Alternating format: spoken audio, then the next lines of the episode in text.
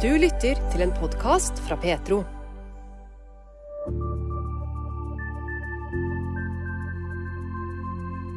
Nettstedet skal fungere som en portal for kristne, hvor de kan finne oppbyggelig innhold i form av artikler, videoer og podkaster.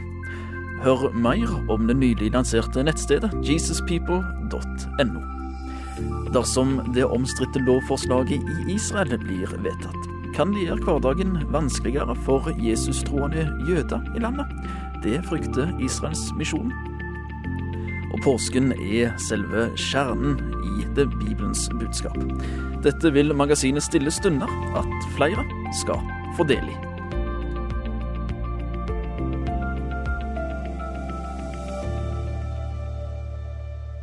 Blir påskens budskap lest på samme måte om vi sitter i hytteveggen i Norge med appelsin og Kvikk Lunsj, eller lever i et land der kristne og kirken blir forfulgt?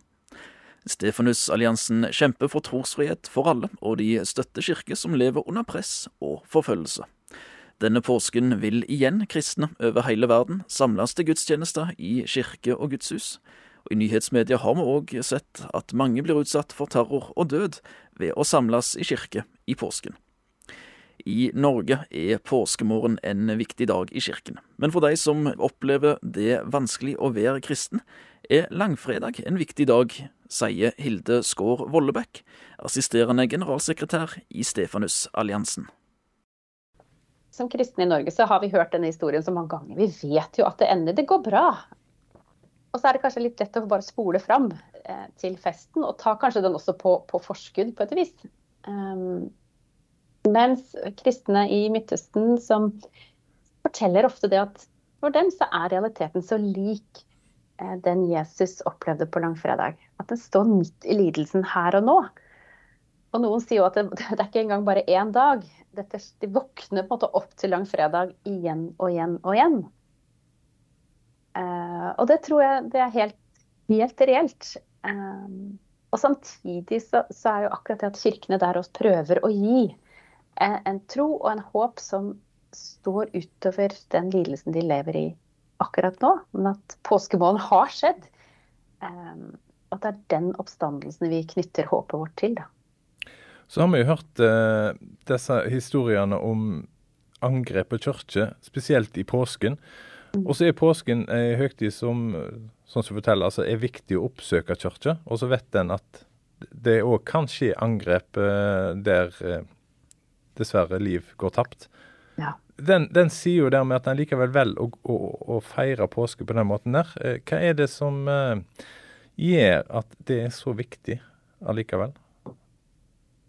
Jeg tror det er ufattelig vanskelig for oss eh, som kristne, uansett hvor vi er, eh, å, å, stå alene og skulle liksom holde fast på eh, Ja, og på en måte virkelig feire sammen. Det er der vi, vi trenger å stå sammen som, som kristne i gudstjeneste eh, eller på andre måter, og, og virkelig eh, minne hverandre på da, at dette er helt reelt. Og det tror jeg det er ufattelig viktig for kristne, spesielt der hvor en opplever at, at, det ikke er selvsagt. Det er ikke selvsagt eh, å spole fram til påskemorgen heller. Eh, og da, eh, da, blir det å komme sammen i kirkene og feire påske ufattelig viktig. Eh, og det gjør at folk gjør det selv om det kan koste dem veldig mye.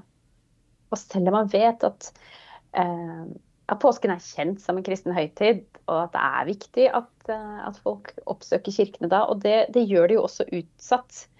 Det gjør at um, dessverre opp gjennom disse 10-12 årene har vært mange angrep på kirker i land som Nigeria, i Pakistan, på Sri Lanka var det store angrep for fire år siden. Men kirkene har ikke blitt tomme av den grunn. Folk går til kirken likevel. Uh, og på et vis så så blir de da tvunget til å tenke igjennom hvorfor skal jeg gå hit med barna mine.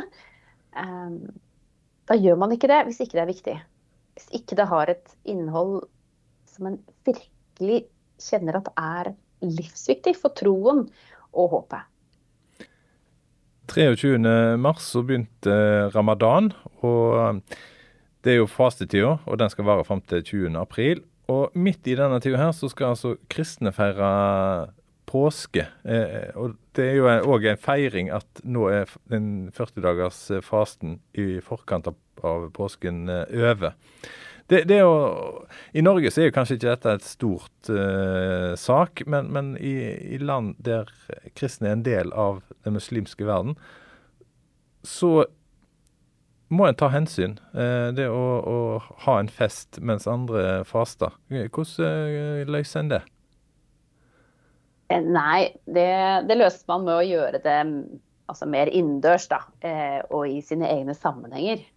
Og det her, dette kan jo se forskjellig ut. I, i store kirkesamfunn, sånn som i katolske ortodokse kirker, så, så, har ofte sånn påskefeiring et ganske sånn felles eh, man, man, feirer sammen ute, eh, kanskje i parker og på gater og, og sånne ting. Og, når da påsken faller under eh, ramadan, når storsamfunnet fortsatt faster, så må man ta hensyn. Og det, det er man ganske vant til. Eh, mens andre kanskje som tilhører kirker som møtes mer i det skjult, i skjulte, kanskje som er folk som har, har blitt kristne senere i livet og har konvertert, så, så vil de uansett feire påske i skjul.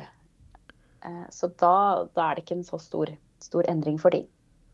Men, men kristne, både i Midtøsten og andre steder, står i dette spennet hele tiden om å finne sin plass i et storsamfunn som, som ikke alltid ønsker den der. Eh, det blir bare veldig tydelig, typisk under. Eh, hvis fasten for storsamfunnet krasjer med festen deres, så må en finne ut av det.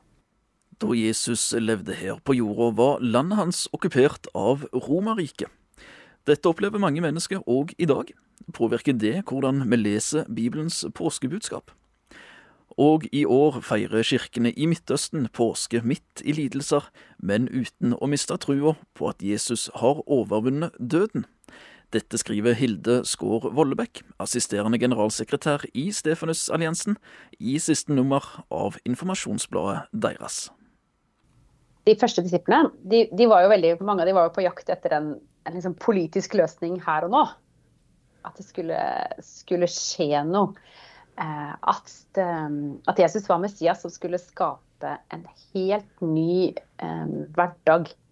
Eh, skulle ta makten tilbake, skulle presse ut okkupasjonsmakten. Eh, og det tror jeg veldig mange kan kjenne seg igjen i. At, at når en virkelig lever under eh, brutal undertrykkelse, ikke har de frihetene som vi ser på som helt selvsagt, så har hun en enorm lengsel da, etter frihet. Og den tar jo Jesus på alvor. Men han gjør allikevel noe helt annet enn det disiplene forventa at han skulle gjøre. Eh, og at den friheten som Jesus kommer med, er enda dypere. Har en enda større tyngde da, enn en bare en politisk omveltning.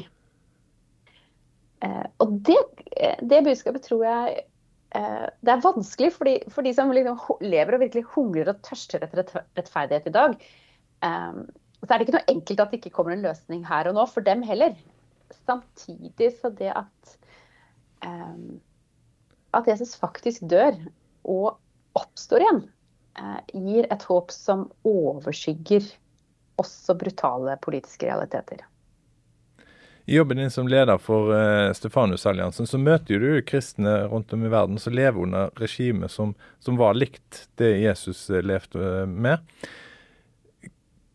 Påvirker det, når, når, du hører de historiene der, påvirker det, det påsketrua di? Ja, absolutt. Jeg vet ikke, men jeg, kanskje fordi jeg gikk Kanskje jeg har gått for mye på søndagsskolen og sett for mange sånne flanellografbilder. Da, da, var det jo en sånn grønn bakgrunn. Og så klistret man på, på måte Jesus og disiplene, og kanskje, hvis man var heldig, så fant liksom, søndagsskolelæreren kanskje fant sånt, en litt sånn bygning som skulle symbolisere et hus. Eh, og jeg tror at jeg satt litt sånn fast i den oppfatningen der litt underbevisst. At, at, Jesus bare liksom kom inn i en sånn grønn, åpen, eh, eh, åpent landskap. Og at alt det som skjedde da, i, som evangelien forteller om, skjedde uten bakgrunn. Mens realiteten er at Jesus kommer inn i det verste vepsebolet nesten i historien. Eh, hvor det er så mange fraksjoner, så mye maktkamp og så mye sånn latent vold.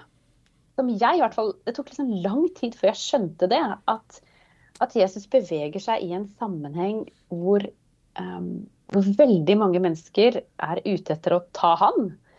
Uh, enten det er de jødiske lederne eller det er romerske, den romerske okkupasjonsmakten alle har på en måte etter hvert en grunn til å ta Jesus av dage. Eh, og også de nærmeste vennene hans svikter han. Så den, den totale spenningen, den, den, hadde ikke jeg fått med meg i, i mitt sånn søndagsskole-utgangspunkt. Man ser på en måte dette liksom en, sånn, en sånn slags ren symbolfortelling. Men at Jesus kommer midt inn i det verste kaos, eh, og, og at det er der at han blir født inn i kaos, og han oppstår midt i vårt menneskelige kaos med så mye potensial for vold og forferdelighet og undertrykkelse. Det er der det skjer. Eh, det tror jeg altså gir veldig håp da, for mennesker som i dag lever nettopp i den type omgivelser hvor alt kanskje raser rundt dem. Alt de har trodd har vært trygt, mister de kanskje. Eh, det er krig, det er jordskjelv, det er eh, folk som virkelig vil dem vondt så kommer Jesus midt inn i det. Jesus venter ikke på at, på at, bølgene skal legge seg, eller at konflikter skal løses. Jesus kommer midt inn i det som er. Det har vært utrolig trosstyrkende for meg å både forstå at det, det skjedde den gang eh, for 2000 år siden, men det skjer igjen og igjen her og nå. I magasinet Stefanus, som er informasjonsbladet til Stefanusalliansen, der skriver du i en leder eh, med tittel 'Håp i mørket'. Men så skriver du at eh, vi har ingen andre enn Gud, og de som ber for oss Det var altså en irakisk eh, flyktning som, som fortalte dette her. Opp mot den situasjonen vi har i Norge, med Kvikk Lunsj og appelsiner, og, og, det skal være gult, og vi skal ha snø og hytter og, og dette her. Og så er det samme påskebudskapet vi egentlig leser, men, men leser vi egentlig det samme påskebudskapet? Jeg tror vi kommer ikke unna som mennesker at det, er det som vi er nærmest, det er det som tar fokuset vårt. Ehm, det er ikke noe gærent i det eh, heller. Men jeg tror vi som kristne Norge kan få en mye rikere forståelse da, av hvor, hvor vilt og uventa det som skjer i påsken, faktisk er. Og det er kanskje ikke så lett å eller Man må gå en, en, større runde da, når man skal ta og sette seg inn i påskens budskap når en sitter kanskje i en varm solvegg med kakao og Kvikk Lunsj, um, enn hvis en faktisk nå da er i en kirke i Midtøsten hvor, hvor disse spenningene er så reelle fortsatt. Eh, og det eh, At man tørster og lengter så ekstremt etter et håp etter noe annet, etter at Gud skal gripe inn. Eh, og da er det også lettere å leve seg inn i det som skjedde. Eh, så tror jeg òg altså, Mens kristne kanskje som lever under press og forfølgelse eh, For dem så kan det være vanskelig å holde fast på et håp fordi, um, fordi livet er så vanskelig. Og for oss så kan det kanskje være vanskelig å holde fast på det håpet fordi livet er ganske lett. Uh, så jeg tror vi, uh, vi alle har, har, på en måte samme kall da, til, å, um, til å bruke påsken til å, til å komme nærmere hva, hva, Jesus faktisk gjør for oss. Både som, som kristne i en enkel del av verden, og, og hva dette betyr eh, inn i våre liv. Eh, men også hva, hva kristne finner håp og hjelp til å overleve og holde fast på troen. Eh, det hadde ikke gått hvis ikke Jesus sto opp igjen. Det sa Hilde Skaar Vollebekk, assisterende generalsekretær i Stefanusalliansen. Hun ble intervjua av Bjørn Steinar Haugland. Takk for at du lytter til denne podkasten fra Petro. Liker du det du hører, setter vi pris på om du tipser andre om radiosendinger og podkaster fra Petro.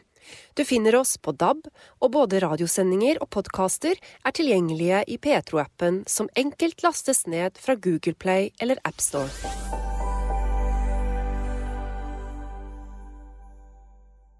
Påsken dette året blir magasinet Stille dager gitt ut for første gang. På 100 sider tar de for seg påskens budskap i bilde og tekst. Dette er et samarbeid mellom Bibelselskapet og Det Norske Misjonsselskap.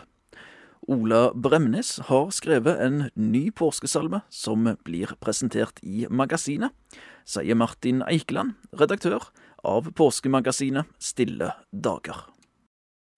De aller fleste har jo et forhold til, til påskesanger og påskesalmer. Altså, Jesus lever, graven brast, og påske påskemorgen slukker sorgen.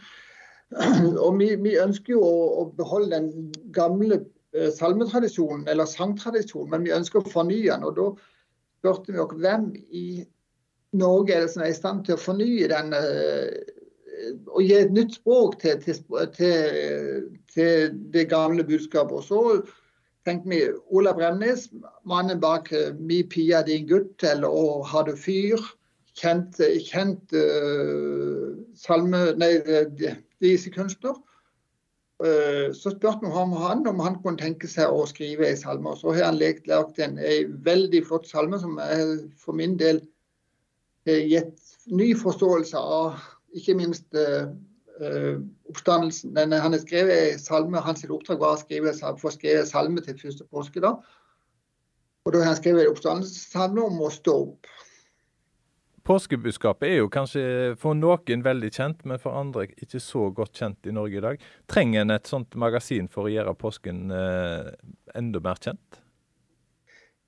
Ja, altså, jeg må jo si at uh, Dette er jo et, et magasin som har noe innhold til, til, som henvender seg til, det som har et forhold til påska. Uh, men det at så få kjenner påskas for påskefortellingen og påskas budskap, det er jo, er jo en, bør jo motivere oss til å, å, virkelig sette inn støtet for å få fram dette her. For påske er jo selve kjernen i det kristne budskapet. Det skjedde Jesu død og oppstandelse. Forsoninga. Alt er knytta sammen disse, disse dagene. Det er sterkt og det er viktig. Da må en jo sette inn støtet der det er viktig. Det nærmer seg påske. Eh, gjør en, eh, hva gjør en for å få eh, tak i dette påskemagasinet? Det er å få kjøpt i de aller fleste av landets bokhandler. Er kristne bokhandlene og et nordlig bokhandlene har tatt inn. Uh, og så kan du få kjøpt på NMS-kontor rundt i landet, og på vår nettbutikk, nms.nettbutikk.no. uh, nett, nettbutikk.no. eller den er som heter kirkebutikken.no. Så det er fullt mulig å få. og Det er et, det er et man skal si det er et, et flott, en flott trykksak. Det er ikke, et, ikke en lefse. altså dette er et det vi kan snakke om coffee table-bok. altså det kan ligge fram på bordet i, uh, i påska til egen hjelp og, og, til gjester som kommer på besøk. Og så er det jo, en, om jeg skal si det selv, en greit vertskap når en skal, når en skal uh, besøke folk. Gjerne invitert til påskeselskap som har gjerne med seg en liten gave til vertskapet. Istedenfor en konfekteske, så vil jeg jo si at dette er en mye bedre gave til vertskapet enn eh, en konfekt eller blomst. Hvilke forventninger har du til det nye bladet som nå er ute, nye påskemagasinet? Forventningen er jo at det skal hjelpe til å forstå, hjelpe folk til å bli enda tettere knytta til, til påskas budskap. Og Det som nok er kjennetegnet med dette, og det er fordi at det er et NMS, altså misjonsselskap, vi har et, et verdensblidt utsyn. Og vi har henta tekster fra folk fra andre land. Vi har fra, fra uh, Etiopia, vi har fra Sør-Afrika. Vi har kunst fra uh, alle verdens hjørner. Sånn at uh, påske er ikke noen en idé som vi har kommet på her i Norge. Det er noe som er feira uh, over hele jorda. og ja, det kan jeg jo glemte å si at Madagaskar, den historien, den teksten om påskemorgen på Madagaskar, den bør alle lese. Det sa Martin Eikeland, redaktør av det nye magasinet Stille dager, som Det Norske Misjonsselskap gir ut sammen med Bibelselskapet for første gang. Du kan kjøpe det på nettsidene kirkebutikken.no og på bibel.no og på Nordli. Intervjuer i innslaget var Bjørn Steinar Haugland. Dette er en podkast fra Petro. Statsminister Netanyahu avverga generalstreik i Israel ved å utsette behandlingen av et svært omstridt lovforslag, som bl.a.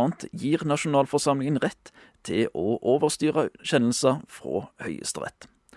Regjeringen vil òg få større innflytelse over hvem som skal utnevnes til dommere, og kritikerne mener lovforslaget bryter med viktige prinsipp for maktfordeling.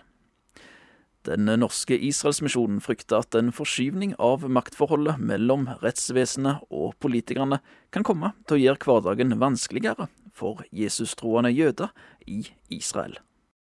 Altså, det finnes en lov i Israel som, gjør, som regulerer misjonen.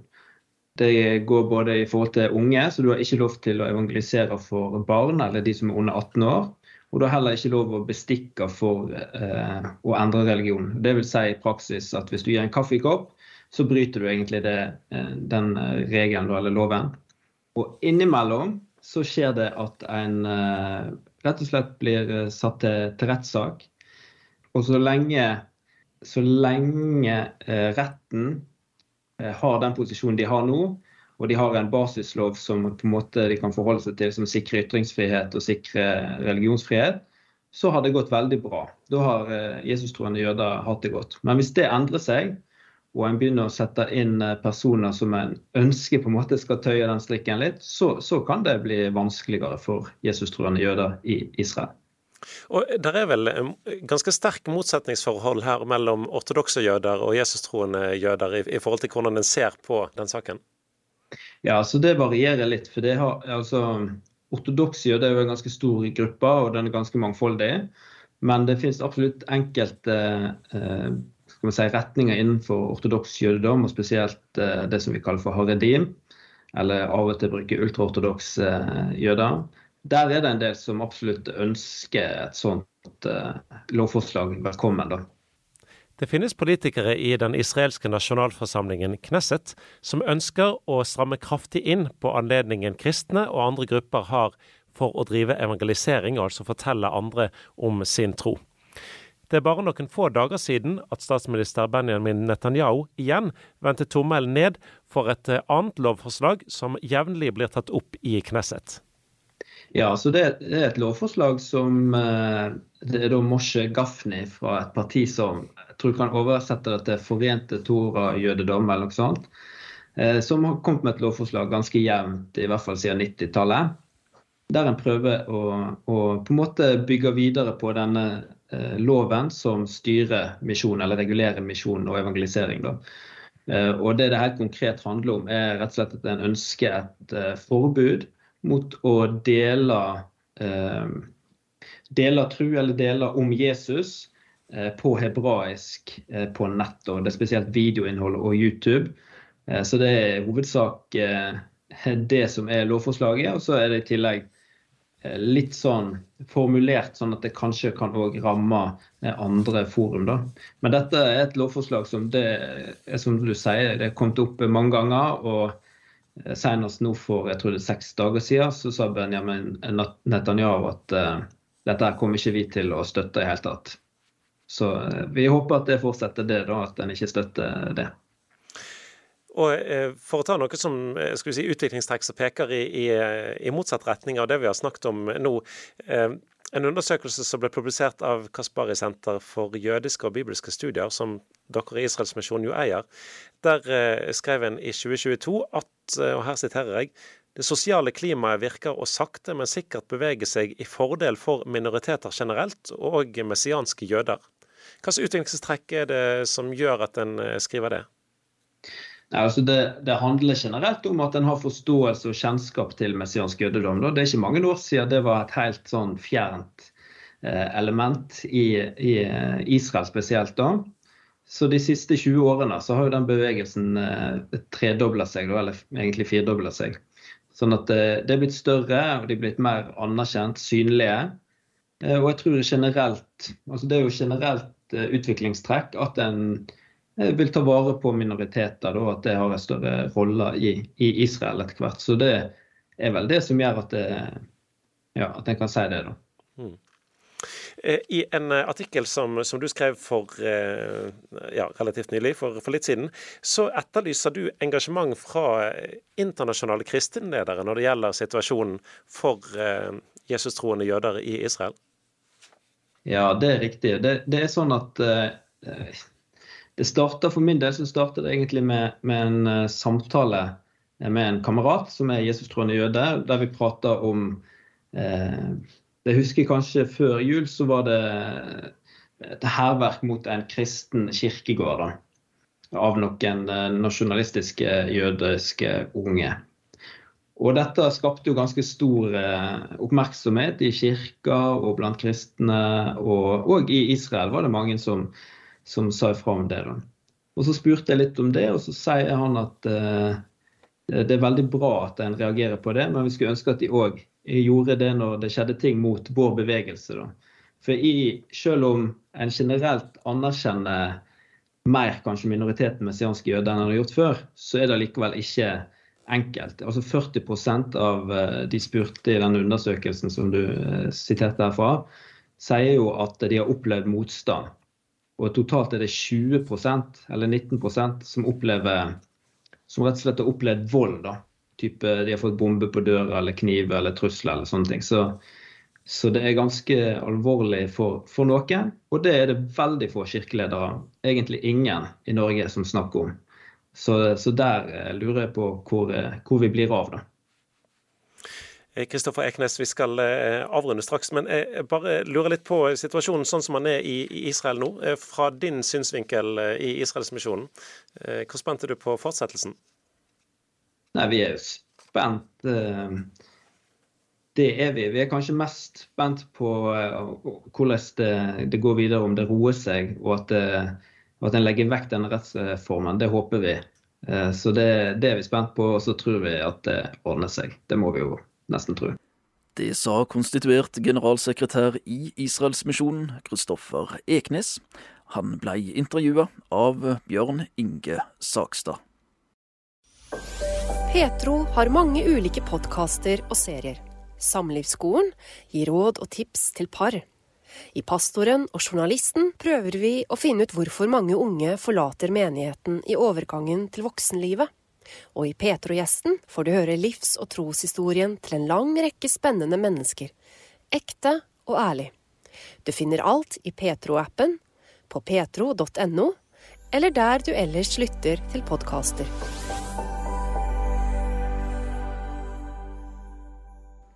Jesus People er et samarbeid mellom organisasjoner, kirke, skribenter og bidragsytere som har et hjerte for å bygge menighet, samfunn, nå ut med evangeliet og disippelgjør. Slik presenterer de seg på nettstedet jesuspeople.no, som ble lansert 23. mars.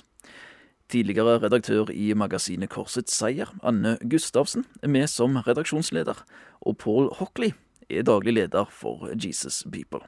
Og han forteller at de har jobba lenge med å få på plass nettstedet.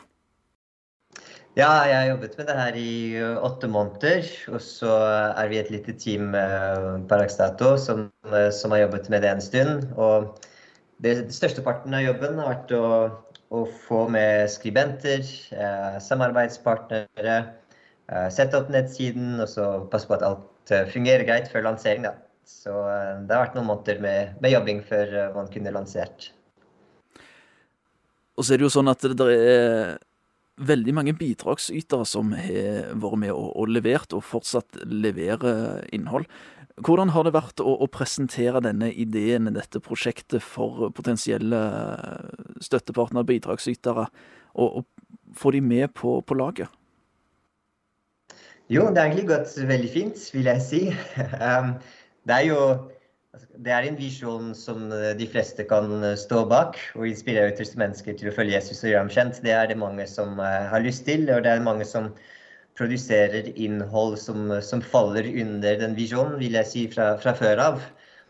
Vi har tenkt en, del uh, kategorier da, som folk kan skrive i, så, dette er ganske helhetlig. Da, om uh, alt fra type apologetikk, teologi, familie, barn, ungdom, misjon, evangelisering så finnes det mange folk som gjør veldig mye bra, rett og slett, og som produserer masse bra innhold knyttet til de forskjellige kategoriene. Så det er verdt å, å, skrive en liste med veldig gode folk eller veldig gode organisasjoner, og kontakte dem og så spørre om de vil bidra med innhold. Og de aller, aller fleste er veldig positive. Jeg er veldig glad for at eh, innholdet deres kan, kan eh, ja, rekke lengre. Og så anses det som en vinn-vinn-type situasjon. Ikke sant? At folk bidrar med innhold, og så kan ja, blir de kanskje nye, nye, folk eksponert for, for, deres innhold. Dere favner ganske vidt i tematikk og, og, det som blir tatt opp og skrevet om og, og publisert på sida. Har dere ei, ei målgruppe i, i, tankene, aldersgruppe eller forhold til kristen tro på nåværende tidspunkt, eller tenker dere mer å, å favne så vidt som mulig for å, som du sier, utruste eh, flest mulig? Ja, vi har tenkt ganske bredt i utgangspunktet. Eh, så får vi se hvordan det utvikler seg. Vi, vi, har tenkt at vi har lyst til å eksperimentere litt, rett og slett. Uh, lansere og så um, se hvordan det, det, kommuniserer med de forskjellige aldersgruppene og, og trosgruppene. Um, men aldersmessig så vi, vi har innhold for barn, vi har innhold for ungdommer, vi har innhold som passer for unge voksne eller litt, litt eldre folk. Um, og så er det innhold som er både for kristne, men også innhold som er lett å dele med ikke-kristne venner. Jeg tenkte at dette kan også være en ressurs for folk til å ja, dele bra innhold om Jesus på uh, sosiale medier f.eks. Og, og, og nå ut. Og der har vi fått eh, til en, en god kobling med um, omgud.net f.eks. Sånn at uh, hvis, hvis, folk ser en bra video om Jesus, så kan de gå videre til en annen, annen nettside da, og, og, lære mer om Jesus. Så det er et eksempel på gode samarbeid da, som, som, gjør at uh, man kan både inspirere og utruste, men også nå folk på internett. Paul Hockley, du har òg din bakgrunn fra Jesus Revolution. Uh, som har et, vidt arbeid utover i Europa òg. Forstår det sånn at nettsida nå den er lansert på norsk, men planen er at den etter hvert skal oversettes til flere språk, komme i flere land. Kanskje få bidragslyttere fra, fra andre land òg med på, på, laget. Hvordan går det med, med, den prosessen? Ja, det er eh, et veldig godt spørsmål. Vi, vi, eh, sånn som vi har bygd opp plattformen nå, så er det mulig å legge til andre språk ganske lett. Um, så vi har jo tenkt at engelsk uh, skal være den neste versjonen. Um, men vi har også tenkt at vi har lyst til å lansere den norske først, og som sagt eksperimentere litt og se hvordan ting fungerer. Det er alltid veldig annerledes fra, fra teorien til uh, hvordan ting fungerer i praksis. Så allerede de første dagene så har vi lært uh, veldig mye. Um, og så det som ofte blir altså på nye språk, er det å finne viktige funksjoner. Uh, spesielt redaksjonsledere i de forskjellige språk. Og så skribenter finnes det mange av på engelsk, som vi har god kontakt med. Um, men det er de viktige funksjonene som vi må finne først, og så kan vi lansere på engelsk og så etter hvert på andre språk. Det sa Paul Hockley, daglig leder for jesuspeople.no. Han ble intervjua av Tollef Børsedal.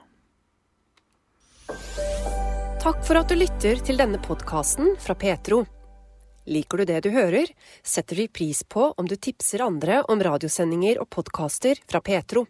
Du finner oss på DAB, og både radiosendinger og podkaster er tilgjengelige i Petro-appen, som enkelt lastes ned fra Google Play eller AppStore.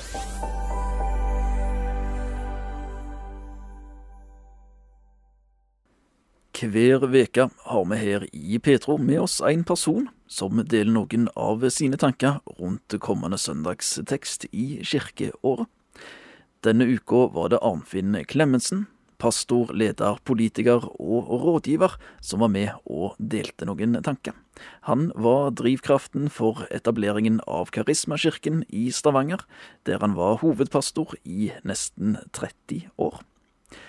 Denne søndagen er det palmesøndag, og det er historien i Johannesevangeliet, kapittel 12, vers 12 24, som er prekenutgangspunktet for eh, søndagen. Historien om da Jesus kom riende inn i Jerusalem på en eselfole. Palmesøndagens tekst i Bibelen kan vi bl.a. finne i Johannes 12, 12-24.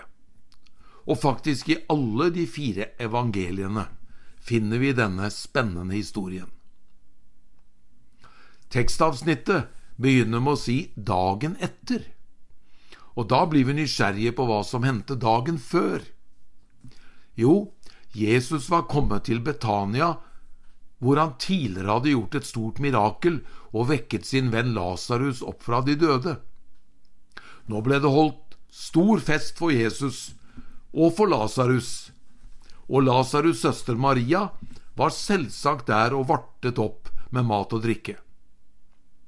Den andre søsteren Maria, som vi husker aller helst ville ha plassen ved Jesu føtter, hun kom med kostbar og velduftende nardussalve, og hun salvet Jesu føtter og tørket de med sitt hår. Hun ga det beste hun hadde for Jesus. Jesus kom til jorden for å gi sitt liv, for deg og meg. Men disiplene hadde på dette tidspunkt ikke forstått det, og langt mindre den store folkemassen som samlet seg på palmesøndag. Nå skal vi feire hva Jesus gjorde for oss, og vi blir aldri ferdige med å prise ham, fordi han var villig til å gå denne veien for oss. I dag kan vi bringe vår takk og lovsang til Han som en ekte nardussalve fra våre hjerter. Gud velsigne deg. Ha en fin dag.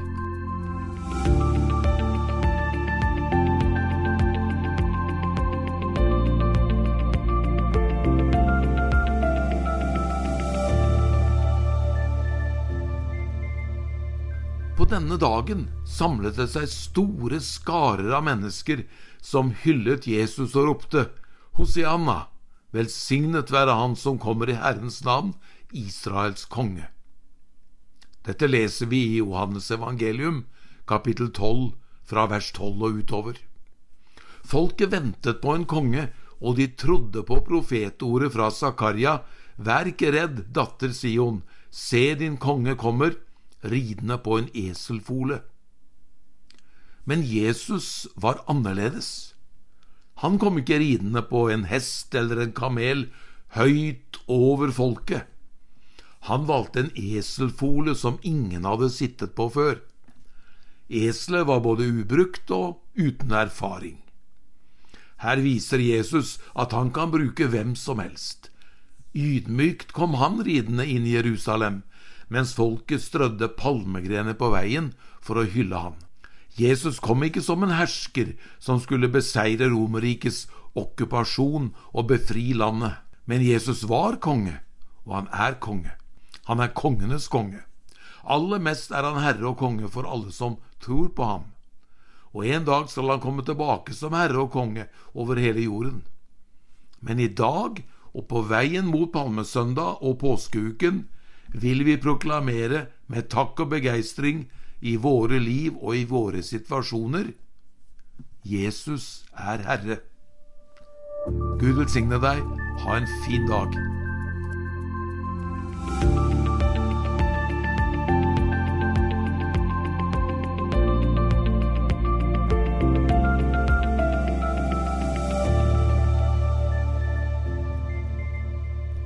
Dagen etter fikk folkemengden som var kommet til festen, høre at Jesus var på vei inn i Jerusalem. Da tok de palmegreiner og gikk ut for å møte ham, og de ropte, Hosianna, velsignet er Han som kommer i Herrens navn, Israels konge. Verken Jesu disipler eller langt mindre folket forsto hva som var i ferd med å skje. Palmesøndag er opptakten til verdenshistoriens største begivenhet. Det Jesus gjorde i påsken, kan aldri overvurderes, bare undervurderes. Fariseerne ble irriterte og sinte. Hele verden løper etter ham, sa de. Men folkemassen hentet palmegrener og priste ham og ropte Hosianna, selv om de som sagt ikke på noen måte forsto hva som skulle skje noen dager senere. I Lukas kapittel 19 leser vi samme historien. Her ser vi at de skriftlærde ba Jesus om å stanse lovsangen fra disiplene og folket. Men Jesus ga klar beskjed hvis disse tier, skal stenene rope. Det gir oss noe å tenke på. Gud vil ta imot vår lovsang og tilbedelse. Selv om vi ikke forstår alt som skal skje, eller vi ikke føler oss verdige, vil Han ha vår lovprisning. Tilgivelse og nåde strømmer fra Jesu kors til hver enkelt av oss. Det er grunn mer enn god nok til å prise Hans navn. Ha en riktig god dag.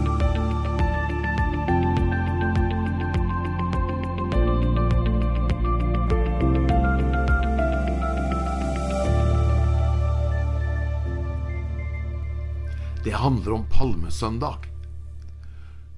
Ryktene om Jesus gikk overalt. Han som helbredet syke og til og med hadde vekket Lasarus opp fra de døde. Folk strømmet til påskefeiringen, og de fleste ville se Jesus. De lovlærde fariseerne var irriterte. All verden løper etter ham, sa de.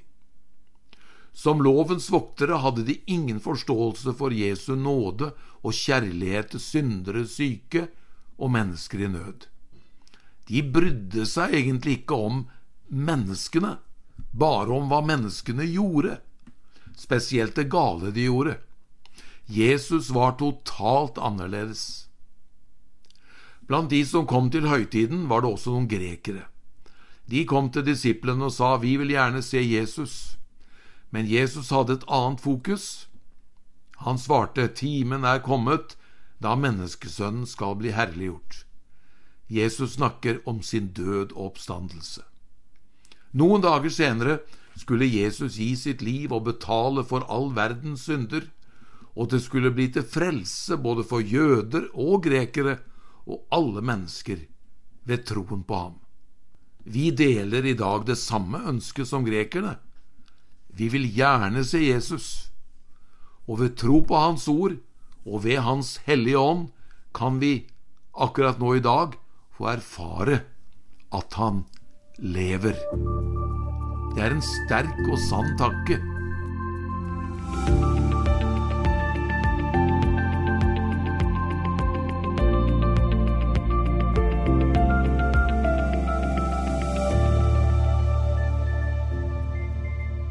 Jeg vil anbefale deg å lese Palmesøndagens tekst i Johannes evangelium 12, 12-24, og reflektere over den. Nå leser vi vers 24. Sannelig, sannelig, sier jeg dere, hvis ikke hvetekornet faller i jorden og dør, blir det bare det ene kornet. Men hvis det dør, bærer det rik frukt. Dette er Jesu egne ord. Tiden nærmet seg da Jesus skulle gi sitt liv for menneskets synd og skyld, dø på et kors og oppstå på den tredje dagen. Og Jesus underviser om hvetekornet. Hvetekornet må i jorden og dø for at det skal bære frukt. Dette var en sannhet og et bilde på hans egen død og oppstandelse. Han ble det hvetekornet som ble ofret for en hel verden, og hans død og oppstandelse ble til liv for hver den som tror. Ett hvetekorn ble til velsignelse og til frelse og til liv for en mengde større enn noen av oss kan telle.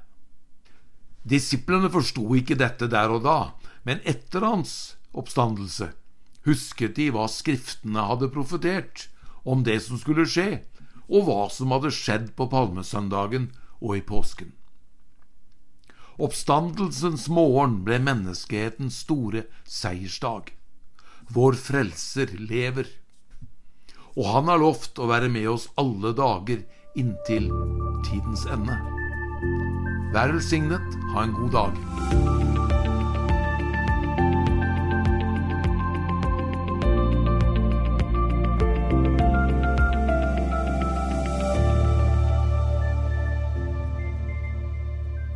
Det var pastor, leder, politiker og rådgiver Arnfinn Klemetsen som delte noen tanker rundt kommende søndags tekst i serien Refleksjon. Søndagens tekst denne veka er henta fra Johannes evangeliet, kapittel 12, vers 12 til 24.